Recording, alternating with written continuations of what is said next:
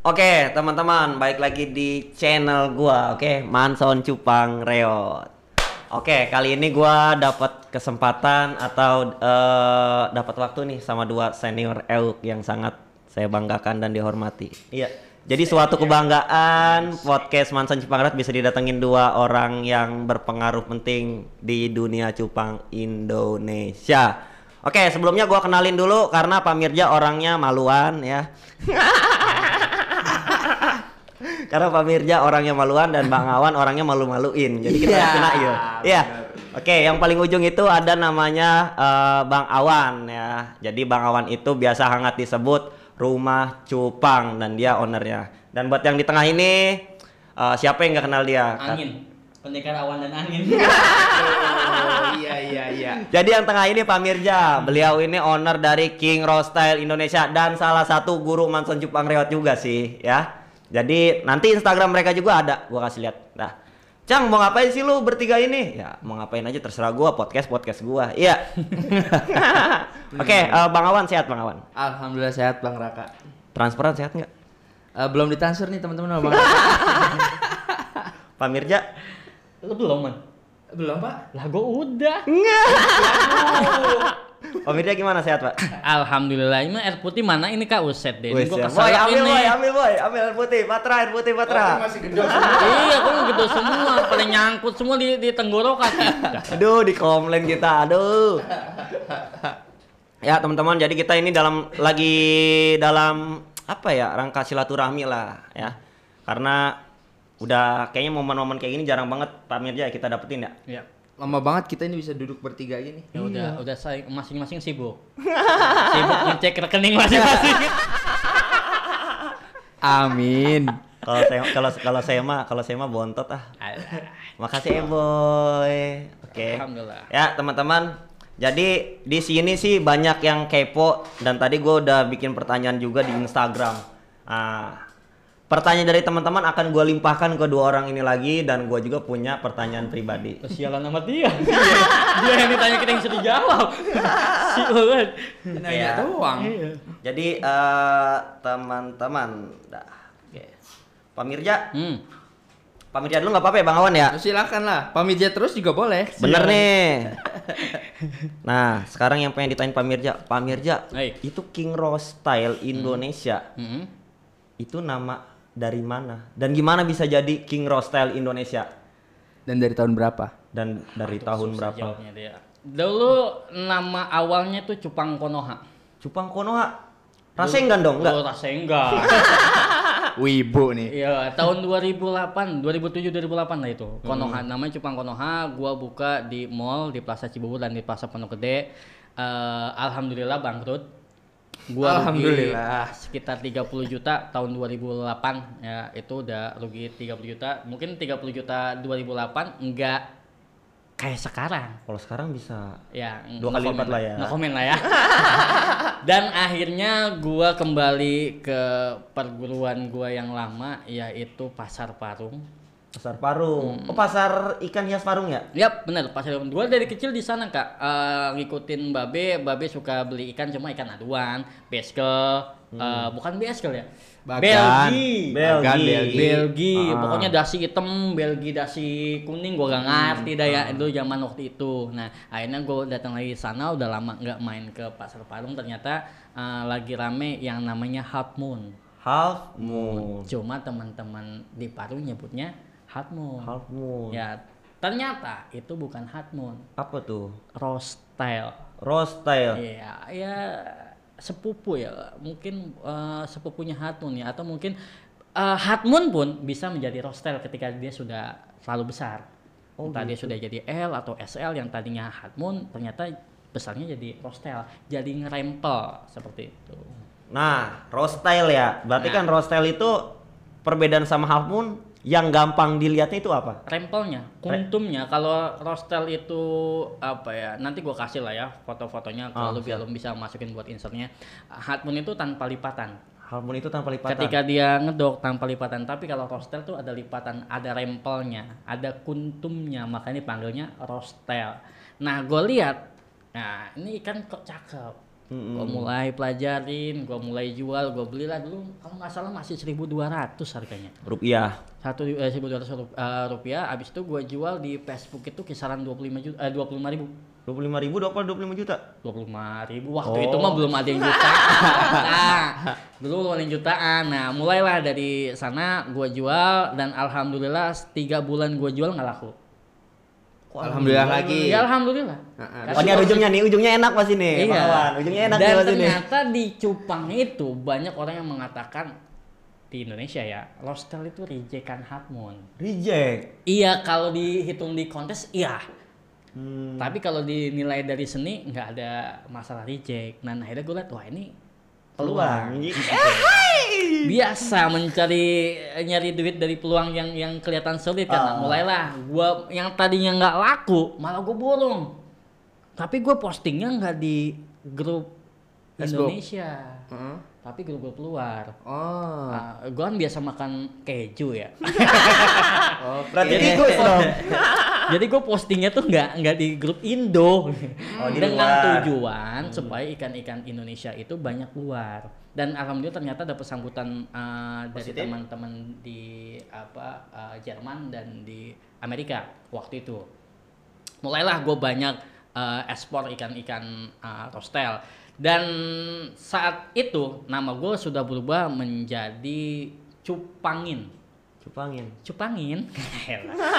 Nah, gitu. Namanya atau dulu betain gitu kan. Nah itu masih itu nama nama gua. Dan eh, ketika kontes teras kota pertama gua lupa tahun berapa tuh ya.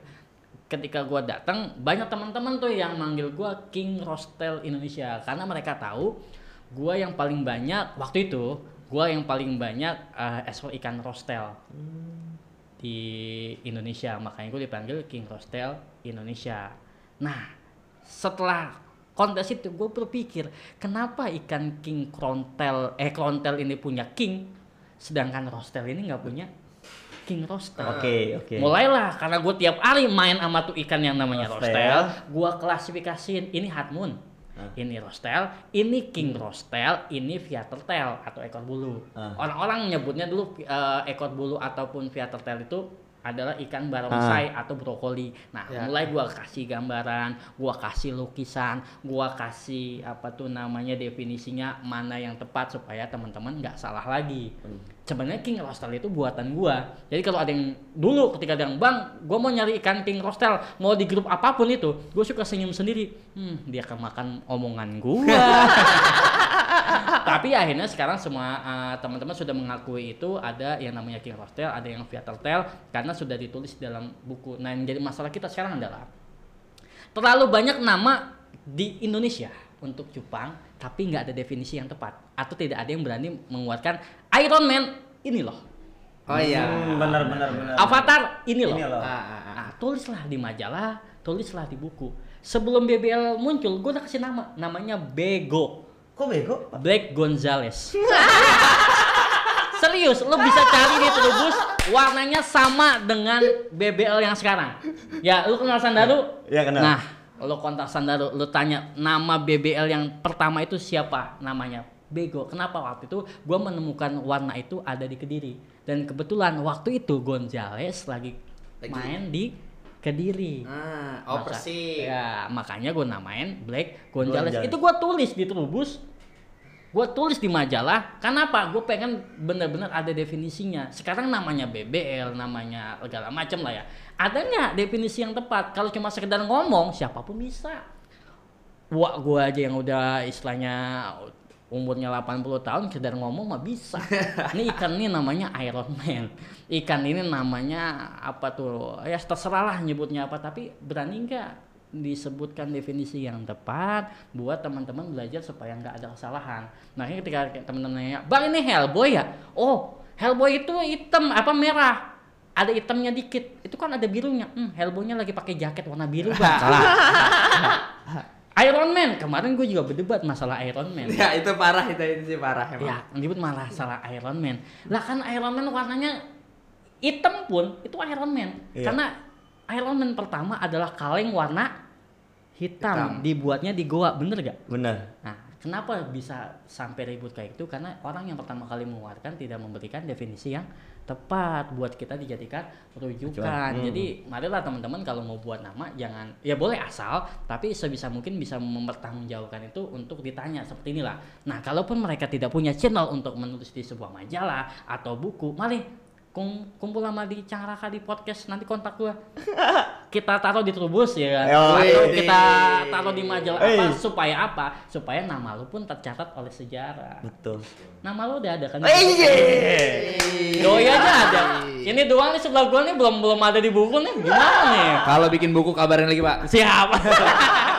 Next ya kedua gue bikin buku ntar. Oke siap. Nah, Pak Mirja berarti sekarang eh, King Rostel dan Rostel. Hmm. Perbedaan simpelnya tuh dari mana? Kalau paling gampang dasinya lah. Kalau kalau roastal itu kan eh, cuma dua dasinya Mm-mm, sama kayak mm. kayak Hartmon.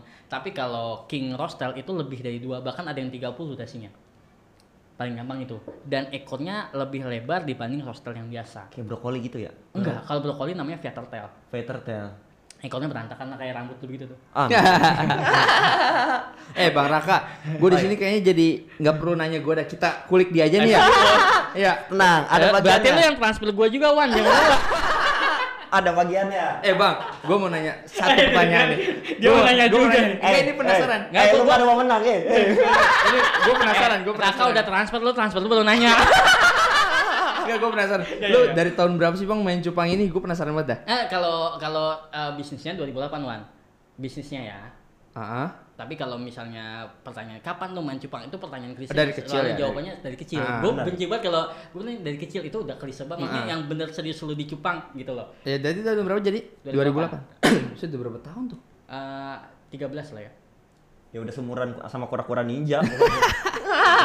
13 Wan. Mantap, mantap. ya pantes lah. Iya, wawasan, proses, sama apa eh, apa yang dia rasain itu udah terjawab sekarang. Bener. Bener nggak? Beli tanah. Viral juga di beberapa akun sosmed IG. Anjir kata gue ini bukan akun cupang gue liat. Muka Pak Mirja ini. Gila, tukang cupang viral loh. Majalahnya, bukunya udah berapa banyak? Salah satunya eh dulu nama eh, akun dia gini Bang Awan. Artis cupang katanya. ya, dulu gue Udah ingat. kebenet anjir. Tapi sekarang artis cupang KRT karena satu-satunya seller cupang atau orang yang bermain di cupang yang sering banget masuk TV ya beliau. Bener, bener sih bener. Bener, pertama kali mungkin Pak Mirja ya, bener nggak? Hmm. Awal mungkin gue udah pernah lihat Om Joti di hitam putih waktu itu. Oh, Oh iya, iya, Jati Om pernah, Jati. pernah. Yang hitam di- putih ya dan tapi eh, setelah itu mulai beberapa teman ada juga teman-teman di Makassar kayak siapa mozaik eh, beta itu pun masuk TV nah mulailah teman-teman eh, di percupangan karena kebetulan waktu itu kalian berdua Instagramnya masih kecil Ais. Pak nggak bisa Jadi pulang nih Pak. nyari gua sekarang lo pada balap gua semua anjir Tapi emang luar biasa sih Pak Mirja wawasannya. Nah, gue selalu sebut konten atau di mana gue berdiri, sama Bang Wan, nah ini orangnya dua, dua-duanya ya. Alhamdulillah sih waktunya dan momennya pas mereka berdua bisa. Sekarang pertanyaannya, Rumah Cupang. Oke. Rumah Cupang salah satu YouTuber yang apa ya, yang gue pelajarin juga dari dulu. Yang gue kepo banget dan dia paling belum gede pernah adsense-nya. Beliau belum pernah menjelaskan kenapa sih bisa rumah cupang. Beliau cuma bikin cerita yang menurut gua cerita pendek. Di sini gua gua tantang dia ceritain gimana gimana bisa sampai rumah cupang dan apa itu rumah cupang. Singkat, jelas tapi padat. Bisa? Namanya ya. Mm-mm. Sebenarnya ini gak ada cerita ini, nama ini gak ada cerita yang niat gitu. Ah. Jadi pas gue bikin konten dulu udah berapa kali ganti nama tuh. Pas ketika gue mau bikin konten cupang, apa ini gue bikin nama? Masa gue bikin cupang leher ya Bang? kan nggak enak. Iya. Akhirnya ah rumah cupang aja lah. Udah tuh bikin konten, upload, upload, upload. Kok lama-lama jadi udah melekat gitu ya. Orang jadi bilang, "Oh, itu itu rumah cupang, itu rumah cupang kalau mau belajar ternak cupang." Akhirnya gue udah mau rubah tuh serius, gue udah mau rubah cuma karena gue udah keseringan ganti nama di YouTube, diomelin nama YouTube. nggak boleh, nggak bisa ganti lagi. Aduh. Akhirnya sampai udah berapa 10 ribuan, 20 ribuan udah melekat banget kan ya. Ya udah. Jadi itu rumah cupang. dan karena udah namanya rumah cupang gua kembangin lagi rumah gue cupangnya dikit nih masa orang rumah cupang nggak ada cupangnya Kalau ke Manson malu nggak? ah Kalau ke Manson malu nggak? Eh, tetap malu sih makanya ada eh, rumah tuh gue bener-bener bongkar bongkar bongkar bongkar bongkar renovasi bener-bener sekarang cupangnya banyak dibilang rumah cupang udah masih udah aman sih sekarang Udah aman ya? aman Eh nanti gue bikin konten tempat tuh, oke? Oke, Gua siap, belum- Pak. belum- belum siap, siap, dia siap, siap, siap. Jadi lagi lo lagi. Ceritanya gitu sebenarnya dari ketidaksengajaan. Kalau dibilang filosofinya ya belum ada. Oh belum ada. Belum Berarti ada. memang tidak kesengajaan yang berujung rezeki yang melimpah bener. Bener, karena gua awal bikin konten itu kan nggak ada kepikiran sama sekali sampai kayak sekarang nih gede Ah. maksudnya ya. Dulu kan ikan cupang ya bener-bener orang tuh nggak pada tahu lah. Ketika gue bikin konten eh, beberapa kali videoin ikan, wah nggak masuk nih, nggak ada yang nonton. Pas gue bikin edukasi, kok ternyata orang pada Malah nyari banyak. informasi. Karena zaman dulu itu eh, orang nyari informasi buat beternak cupang belajar cuma di Google, bener nggak pak? Mm-mm. Nggak ada konten yang bergambar.